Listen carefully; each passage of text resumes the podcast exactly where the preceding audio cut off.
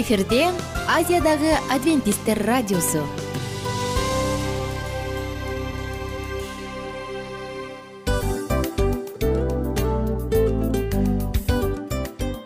Достор салют.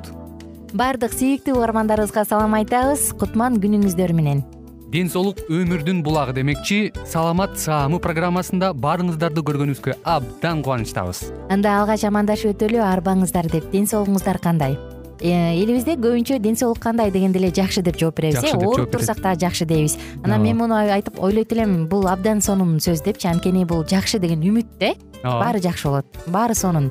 Деп үмүттөнүп атып эле өзүбүздү өзүбүз дарылап коебуз. Анысы кандай? Сиздин дагы ден соолугуңуз жакшы беш деген үмүттөбүз чындыгында ден соолук бул өмүрдүн булагы деп бекеринен айтылган эмес деп ойлойм. Кыргыз элинде анткени эгерде ден соолук жок болсо анда адамдын жашоосунда калган баардык керектүү маңыздуу нерселер өзүнүн баалуулугун жоготуп коет. Ошондуктан ден соолук бул эң керектүү нерсе. Ооба туура айтасың кесиптешим. Чынында ден соолугуң жок бир эки үч күн ооруп калсаң эле э кандай болуп калат? Жашоодо көз каранды болуп каласың көп нерсеге жетишпей каласың көп нерсени кыла албай каласың жада калса эшикке дүкөнгө да чыга албай каласың. Туптуура анан ден соолук болсо демек биз биздин бактыбыз тоодой деп койсок болот.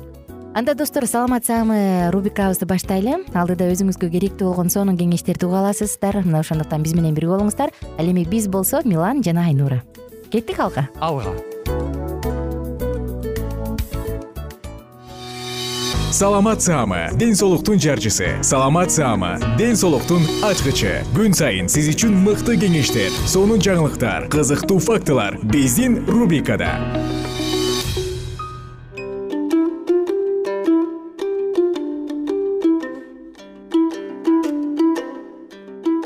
амансыздарбы кадырман замандаштар. Кайрадан эле сиздердин назарыңыздарда ден соолуктун ачкычтары программасында кездешип жатканыбызга абдан кубанычтабыз. Бүгүнкү программабыздын чыгарылышында өткөн берүүбүздө сөз кылып өткөндөй эле аракечтик жана ошондой эле алкоголизм туурасындагы темабызды кайрадан улантмакчыбыз.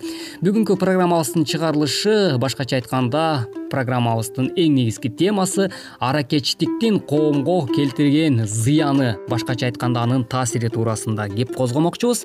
Андыктан биздин толкундан алыстабай биз менен биргеликте болуңуздар. Аракечтин жеке жана коомдук турмушта зыяны чоң ичкиликти дайыма эмес анда санда эле ичип коюу да адамдын ден соолугуна зыянын келтирип үй бүлөнү бузат балдарды тарбиялоого терс таасир берет. Аракечтер коомдук жана мамлекеттин алдында жоопкерчилик сезимин жоготушат. Эң башы аракеттерге жана башка укук тарбиянын бузулушуна алып барат. Аракечтиктин өндүрүшкө да зыян келтирет эмгек өндүрүмдүүлүгүнүн төмөндөшүнө эмгек э, тартибинин бузулушуна өндүрүштүк кокустуктарга адамдын өлүмүнө себепкер болот. Ичкен кишинин жүрүм туруму өзгөрөт. Ал уятсыз калпычы болуп үй бүлөнүн кызыкчылыгына көңүл бурбай калат өзүнчө же көрүнгөн киши менен шылтоо тап ичүүгө аракет кылат. Адамдык сапаттарынан ажырап калктын турмуш деңгээлин төмөндөшүнө алып келет ооба чындап эле адаттагыдай э, кесиптешим э, ушул маалыматтар менен бөлүшүп э, жаткандагыдай эле аракечтик негизинен эле баардыгыбызга белгилүү болгондой керек болсо ошол инсанды адамдык сапаттан кадыр баркынан төмөндөшүнө өтө чоң өбөлгө болот дагы жана биз кадыр барктан ажырап калат эмес. Мисалы эле бир учурда сени менен бир дасторкондо чогуу бир нанды чогуу сындырып жеген жан жөөкөр досторуң сенден билинбей эле четтеп четтеп алыс кетет.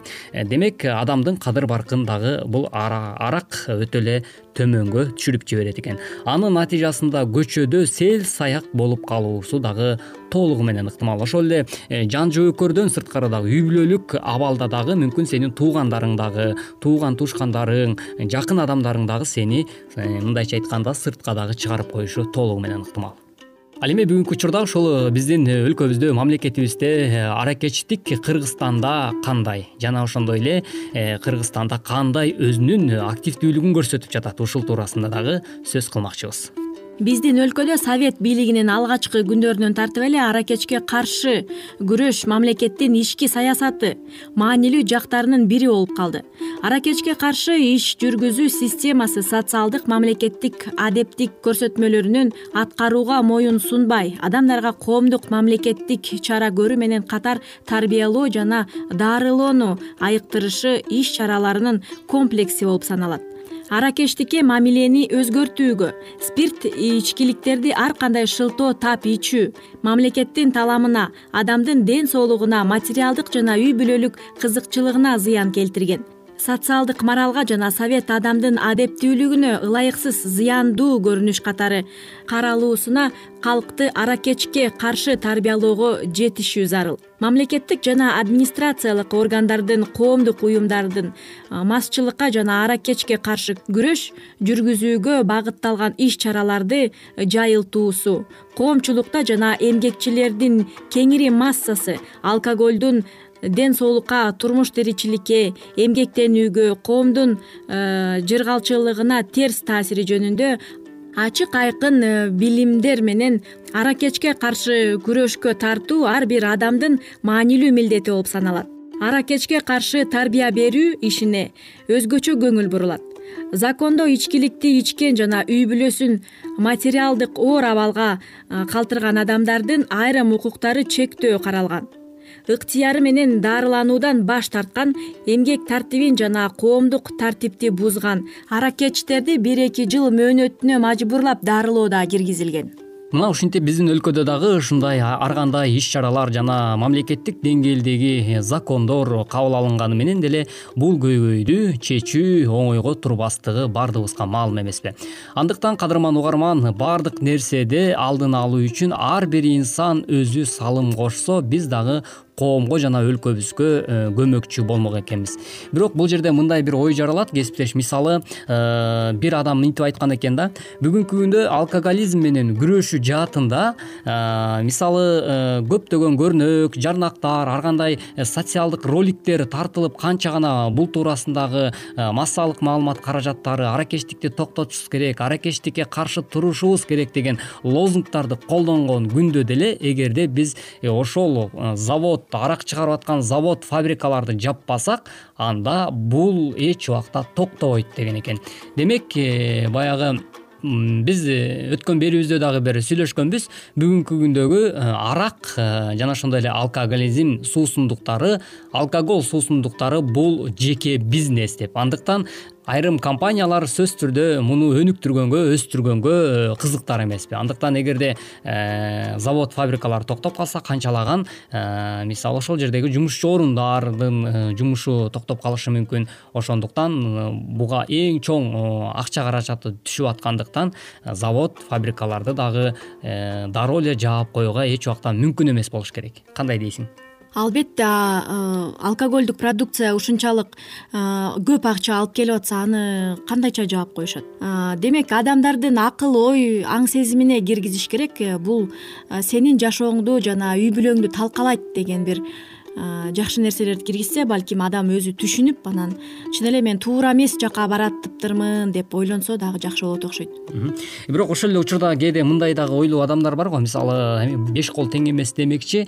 Кээде ойлошот да мисалы эми мен ичем бирок ичсем мындай орду менен ичем эч кимге залакамды тийгизбейм эми ичип койсом эмне болуптур? деген сыяктуу бир ойдогу дагы инсандарыбыз бар да. Ошондой ойлуу адамдарга сен эмне дейт элең аракечтердин бир стадиялары болот экен да. Бул оору анда санда ичүүдөн башталат экен анда санда адам ичет экен. Бул эчтеке деле болбойт. Мен чарчадым бүгүн эс алышым керек деп балким. Бара бара бул адам көп иче баштайт экен. Ичкиликти көтөрүмдүүлүгү жогорулап көп ичет да ичкиликтин өлчөмүнө контроль жасай албай калат экен. Мындай абал оорунун алгачкы белгилери болуп саналат. Эч бир шартта карабастан шылтоо таап ичүүгө аракет жасайт. Өзүнчө же көрүнгөн киши менен ичет соо күндөрү дагы аз болот. Бул стадия бештен жети жылга чейин созулат экен. Бизге бөлүнгөн убакыт ушу менен өз соңуна келип жетти. Кийинки берүүдөн кезиккенче сак саламатта болуңуздар. Саламат саама ден соолуктун жарчысы. Саламат саама ден соолуктун ачкычы. Күн сайын сиз үчүн мыкты кеңештер сонун жаңылыктар кызыктуу фактылар. Биздин рубрикада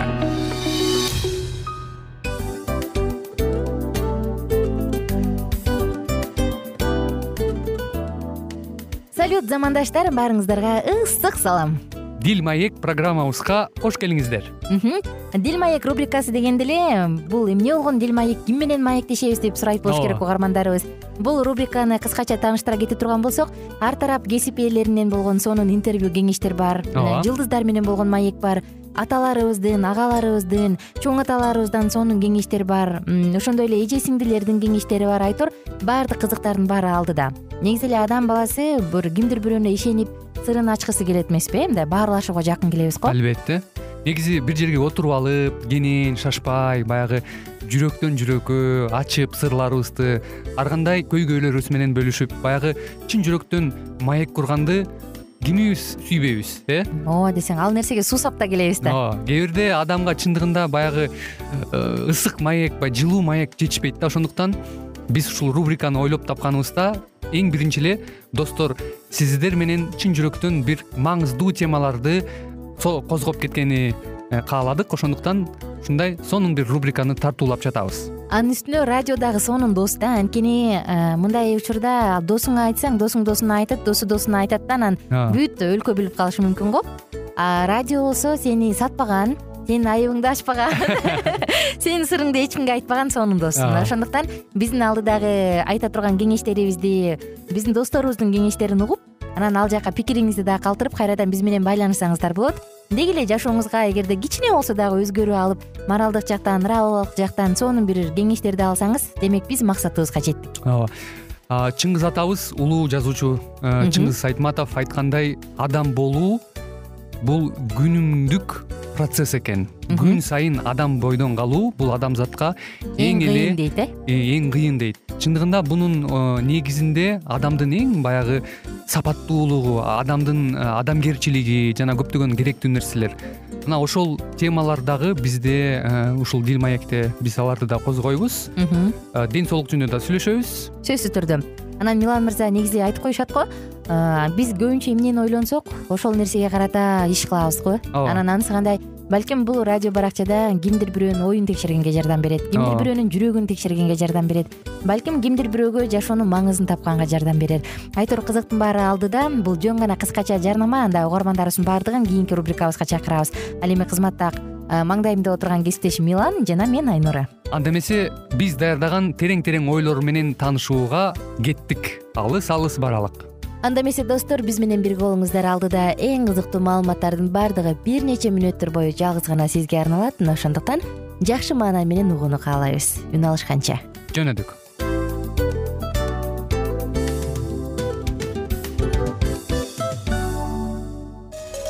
Ар түрдүү ардактуу кесип ээлеринен алтын сөздөр жүрөк ачышкан сыр чачышкан сонун маек дил маек рубрикасында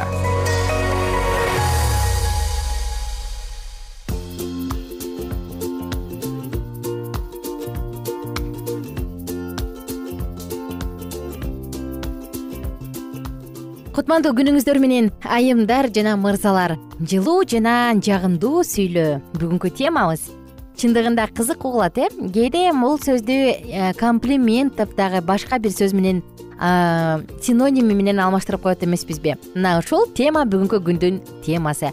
Атым аку кызматыңыздардамын дил маек уктуруусунда сиздер менен. Адамдарга жылуу жана жагымдуу сүйлөө. Комплимент айтуунун кандай пайдасы бар? Мына ушул жөнүндө сөз кылалы комплимент дегенде эле кээде биз жок нерсени ашыра айтып аткандай сезет эмеспизби э? Же болбосо эптеп эле жагынайын жагалданайын деп айтып атат дейбиз. Бирок чын чынына келгенде комплимент бул адамдын бар нерсесин бар сапатын жарашыгын адамдын бир өзгөчөлүгүн адамдын өзгөчө бир артыкчылыгын баса белгилеп айтуу. Караңызчы канчалык гана чоң нерсе ал эми жагалданып атса мисалы ал адам таптакыр берешен эмес. Ал тескерисинче ичи тар колу бекем адам.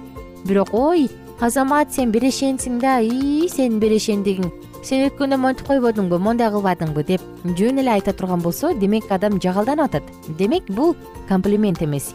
Эгерде тескерисинче адамдын өзгөчө бир пунктуалдуулугун баса бергиси келип азаматсың сен ушул пунктуалдуулугуң сенин тактыгың абдан жагат мага суктанам деп айтып кое турган болсо демек бул чындыгында комплимент. Эмесе достор кантип туура айтыш керек. Кыргыз тилинде сонун сөзү бар эмеспи? Жылуу сүйлөсөң жылан ийининен чыгат деп. Сөздүн маанилүүлүгү дал ушул макал дагы бир сүрөттөп берип турат. Эмесе кантип туура жана жагымдуу сүйлөш керек. Кеттик анда алдыны көздөй. Эң эле биринчи кезекте адам өзүндө эмнени баалайт? Аныктап алганыңыз жакшы. Ал өзүндө эмнени сүйөт ар бир адам өзүбүздө бир бир артыкчылыкты сүйөбүз э? Мисалы мен ушунум жагат. Мага ушул нерсе жагат деп баалайбыз. Көбүнчө айымдарга өзгөчө мырзалар комплимент жасарыңарда ойлонуп алыңыз. Ал эмнени өзүндө сүйөт? Аял заты көбүнчө бир аз уяла түшөт бирок өзүндөгү артыкчылыкты кубаныч менен кабыл алышат. Анан дароо эле жиби түшөт э? Колу ачыла түшөт. Мындай бир карап отуруп таң каласың ай эжеке ушундай ушундай тамагыңыз абдан сонун болуптур мындай мындай деп жылуу бир чын жүрөктөн айта турган болсоң ал адам сага карата жибип жакшы мамиле жасайт. Бул биринчиси. Экинчиси ал эмне менен күрөшүп жүрөт? Жана кайсынын үстүнөн иштеп жатат? Ойлонуп көрүңүз анын аракетин мактаңыз. Мисалы мага мурдум жакпайт десе мурдуң аябай сонун деп мактаңыз. Дагы бир жагы анын жумуштагы жетишкендиктерин мактаңыз. Чын эле ии мага ушунум жакпайт да кээде ал өзүнө ишенбей турат да бул жакшыбы же жаманбы жарашабы же жарашпайбы? Менин мурдумдун формасы кандай деп? Мындай учурда ии мурдум жакпайт да деп сизге айткан күндө дагы сенин мурдуң абдан жагымдуу абдан сонун жарашат өзүңө аябай жакшынакай деп баса белгилеп чын жүрөктөн айтсаңыз анда ал өзүнүн мурдун кабыл алып калат. Же болбосо азаматсың мындай жумушта баары эле иштей албайт. Бирок сен ушундай чыдап мондай ийгиликтерге жетишип атасың. Азаматсың деп айта турган болсо о анда бул адамга чоң стимул берет. Мисалы менин атам мен жумуштан чарчадым же болбосо ушундай бир нерседен чарчадым деп калганда бир эки үч эле сөз айтып коет ал мага чоң кубат берет. Анан анын жанында отуруп сүйлөшүп алып өзүңдүн жумушуңа көбүрөөк кызыгуу пайда болот. Көбүрөөк заряд алып кубат алып каласың дагы анан сүйүнүп алып жөнөйсүң мына ошондуктан жолдошуңуз эгерде дайыма иштеп келип сизди багып үй бүлөңүздүн камын көрүп атса анда ага стимул бере турган сонун сөздөрдөн айтып коюңуз. Жаным рахмат сен биздин камыбызды көрүп ушунча аракет кыласың. Колуңдан келишинче иштейсиң. Чоң рахмат сен бизди багып атасың. Алтыным ардагым деп койсоңуз ой анда жолдошуңуздун төбөсү көккө жетип калат жана достор комплимент айтуунун дагы бир сыры анын инсандуулугун мактаңыз. Ал кандай адам? Анын кандай өзгөчөлүгү бар? Дал ушул нерсени. Сен беришин адамсың. Сен өтө уникалдуу адамсың. Э караңызчы. Жана ошол адамдын жетишкендиктерин мактаңыз. Эмнеге жетише алды?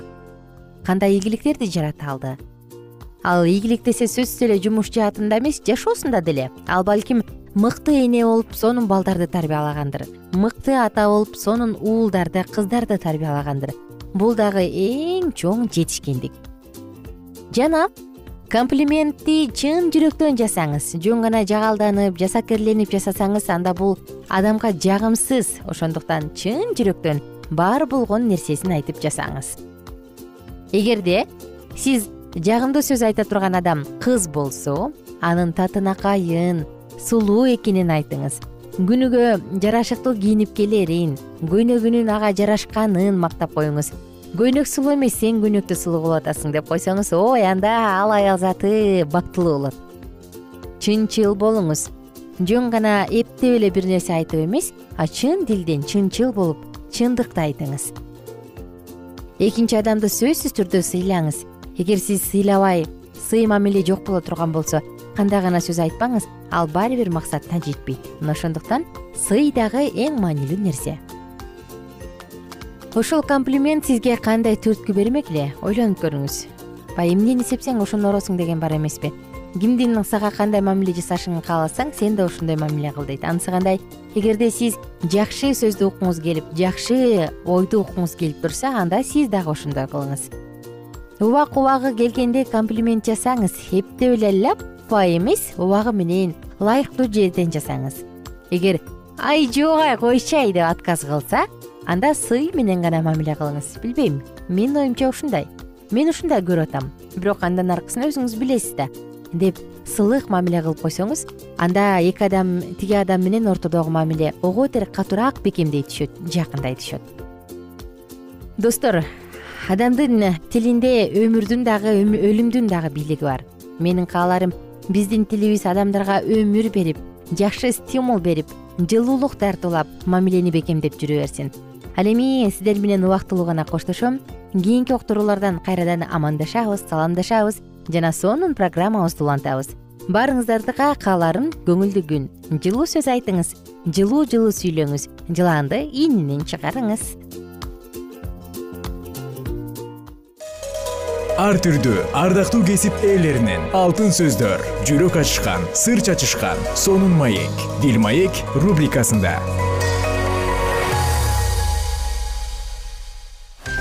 Жан дүйнөңдү байыткан жүрөгүңдү азыктанткан жашооңо маңыз тартуулаган жан азык рубрикасы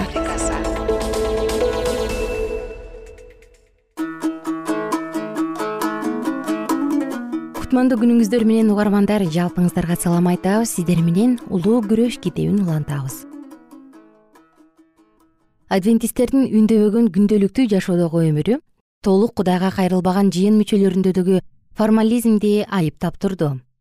Акыркылары алардын кумарларына ашыра алууну каалагандыгына дүйнөлүк атак даңктарды издегендигине кимдир бирөө жолтоо болгондугун каалашкан эмес. Жана акырында адвентисттердин ишенимине жана анын жарчыларына каршы нааразычылык жана түздөн түз душмандык кылгандар көбөйгөн. Пайгамбарлык мезгилдерге негизделген далилдер алардын ачууларын келтиргендиктен чындыктын каршылаштары аларга ишенген адамдарды болушунча көңүл коштукка алып келүүгө аракеттеништи. Жана пайгамбарлыктар жабык аны түшүнүүгө болбойт деп баса белгилешти. Ушундай кылуу менен протестанттар папанын жолун жолдошкон. Эгерде папалык чиркөө адамдардан мукадасты жашырган болсо протестанттардын жыйындары ыйык жазуунун эң маанилүү бөлүгү биздин мезгилге байланыштуу чындыктарды камтыган түшүнүүгө кыйын аяттар. Кызматчылар жана элдер дагы даниил пайгамбардын жана аян китептерин түшүнүүгө кыйын биз билбеген жашыруун сырлар камтылган дешкен. Бирок машаяк өз окуучуларынын көңүлүн даниил пайгамбардын сөздөрүнө бурган жана минтип айткан. Ошондо окуган түшүнүп алсын матай жыйырма төртүнчү бап он бешинчи аят. Аян китеби жашыруун деген окутуулар китептин атына карама каршылык келтирет. Ыйса машаяктын кудай ага берген аяны жакында эмне болорун өз кулдарына көргөзүп турат. Ушул пайгамбарлык сөздөрдү окуп окуган жана анда жазылганды сактаган бактылуу анткени убакыт жакындап калды. Окуган бактылуу дейт пайгамбар көрсө окубаган адамдар дагы табылат экен. Жана бул жердеги алкыштар алар үчүн эмес. Жана угуучулар пайгамбарлыктарды уккулары келбегендер дагы табылышат. Жана ак бата андай адамдарга тийбейт. Анда жазылганды сактагандар көпчүлүк адамдар. Аян китебинде камтылган эскертүүлөрдү кабыл алуудан баш тартышат жана андай адамдар бериле турган алкышка үмүттөнө алышпайт аян китебинде салтанаттуу түрдө жазылып калтырылган пайгамбарлык символдорду ким шылдыңдай турган болсо өз жашоо өмүрүн ким өзгөртүүдөн баш тартса жана адам уулунун келишине даярданбай турган болсо бакыттан ажырашат. ыйык рухтан жанданган күбөлүктөргө ээ болуп туруп аян китеби бул биз биле албаган жашыруун китеп дегенге кантип адамдар багынышат? Бул ачылып берилген сыр ачык китеп аян китебин изилденүү адамдын акылын даниил пайгамбардын пайгамбарлыктарына алып барат. Жана бул эки китепте тең теңир адамдарга жашоонун акырында кандай окуялар боло тургандыгын ачып берүүчү чындык камтылган. Жакан пайгамбарга жыйынды кызыктыра турган жана толкундаткан окуялар ачылган. Ал кудай элинин абалын коркунучтарын жамандык менен күрөшүүсүн жана акырындагы куткарылуусун көргөн. Кабар таратылып бүткөндөн кийин жер үстүндө орок маалы боло тургандыгын көрдү буудайлар асмандагы кампага ал эми самандар боло турган отко ыргытылган ага акыркы жыйындын абалы жана анын чындыкка кайрылуусу менен алдында көп сандаган күрөшүүлөрдү өткөрө тургандыгы жана коркунучтары ачылып берилди. Келе турган окуяларды билбестен эч бир адам караңгыда калбашы керек. Кудай сөзүнүн ушул өтө маанилүү бөлүктөрүнө маани бербегендикти кандай деп түшүндүрүүгө болот мукадастын күбөлөндүрүүлөрүн билгенди каалабагандык эмне себептен мынчалык бийлик жүргүзүүдө? Бул караңгылыктын мырзасынын өз абийирин ачып койбосун деп адамдардан жашырууга жасаган аракетинин натыйжасы. Ушул себептен машаяк ушул китептин ааптары болуп аны окууга аракеттенгендерге каршы боло турган күрөшүүлөрдү алдын ала көрүп бул китепти окугандарды уккандарды жана бул пайгамбарлык сөздөрдү аткаргандарды ак батасын берип алкыштаган. Он тогузунчу бап. Караңгылыктагы жарык. Теңир жер үстүндө аткарып келген баардык диний же реформациялык кыймыл баардык кыймылдарда кылымдарда бири бирине окшош. Кудайдын адамдарга карата болгон мамилеси ошол эле бойдон кала берет. Азыркы учурдагы маанилүү кыймыл баштагылардын тажрыйбасы менен бекемделет. Жана өткөн жүз жылдыктагы жыйындын кайгылары биздин мезгилдерге өзүнүн баалуу сабактарын алып келет кудай кандайча өз руху менен жер үстүндөгү адамдарды куткаруучу улуу ишинде өз кызматчыларын колдоп келерин мукадас ачык түрдө белгилеп айтып келүүдө. Теңир адамдарды өзүнүн ырайымдуу жакшы иштерин иш жүзүнө ашырууда колдонуучу курал кылып пайдаланат. Ар бир адам өзүнө бөлүнгөн кызматты аткарышат.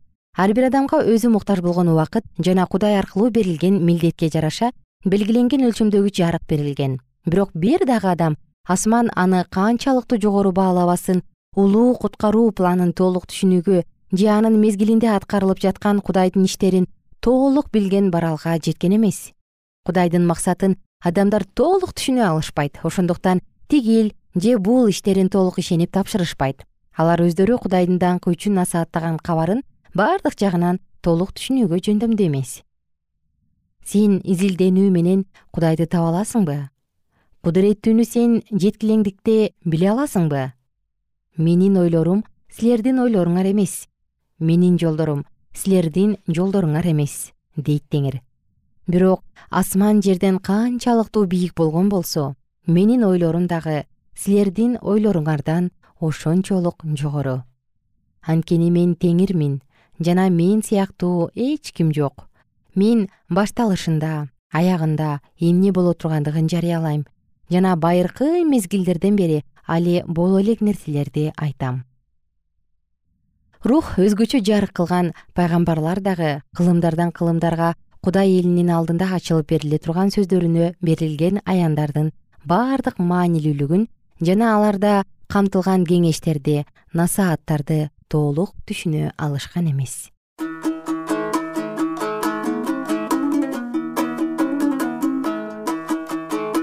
ардактуу айымдар жана мырзалар кымбаттуу угармандар сиздер менен бүгүн дагы улуу күрөш китебинен үзүндү окудук. Эмесе кийинки уктуруудан амандашканча сак саламатта туруңуздар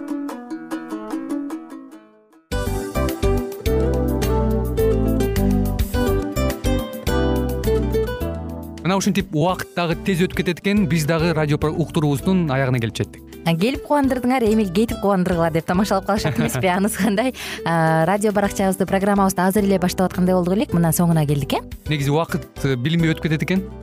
Мен дагы убакыт дегенде бүгүн бир адам менен сүйлөшүп калдым. Анан убакыт бул мүмкүнчүлүк деп айтып өзүмө өзүм айтып алып анан мага өзүмө эле кайра ачылыш болду да чын эле. Э Э, карап отурсаң ошол эле жыйырма төрт саат ошол эле жарым саат кайталанып атат. Бирок сендеги мүмкүнчүлүк жок ошол кой берилип кетти? Анысы кандай? Бүгүнкү сонун убактыңызды алтындай болгон жарым саатыңызды бизге бөлүп арнаганыңыз үчүн ыраазычылык айтабыз анан жашооңуздун кайсы бир сферасын өзгөртө турган сонун пайдалуу кеңеш алган болсоңуз анда биз максатыбызга жеттик. Анан ушул нерсени кылбасам десеңиз ошол өзгөрүүлөрдү кичинекей кадамдардан баштап иш жүзүнө ашырыңыз дагы жашооңузда чоң чоң ийгиликтерге жетиңиздер.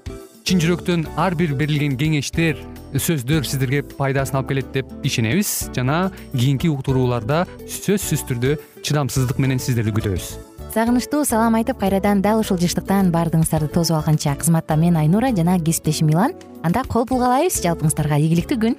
Саламатта калыңыздар.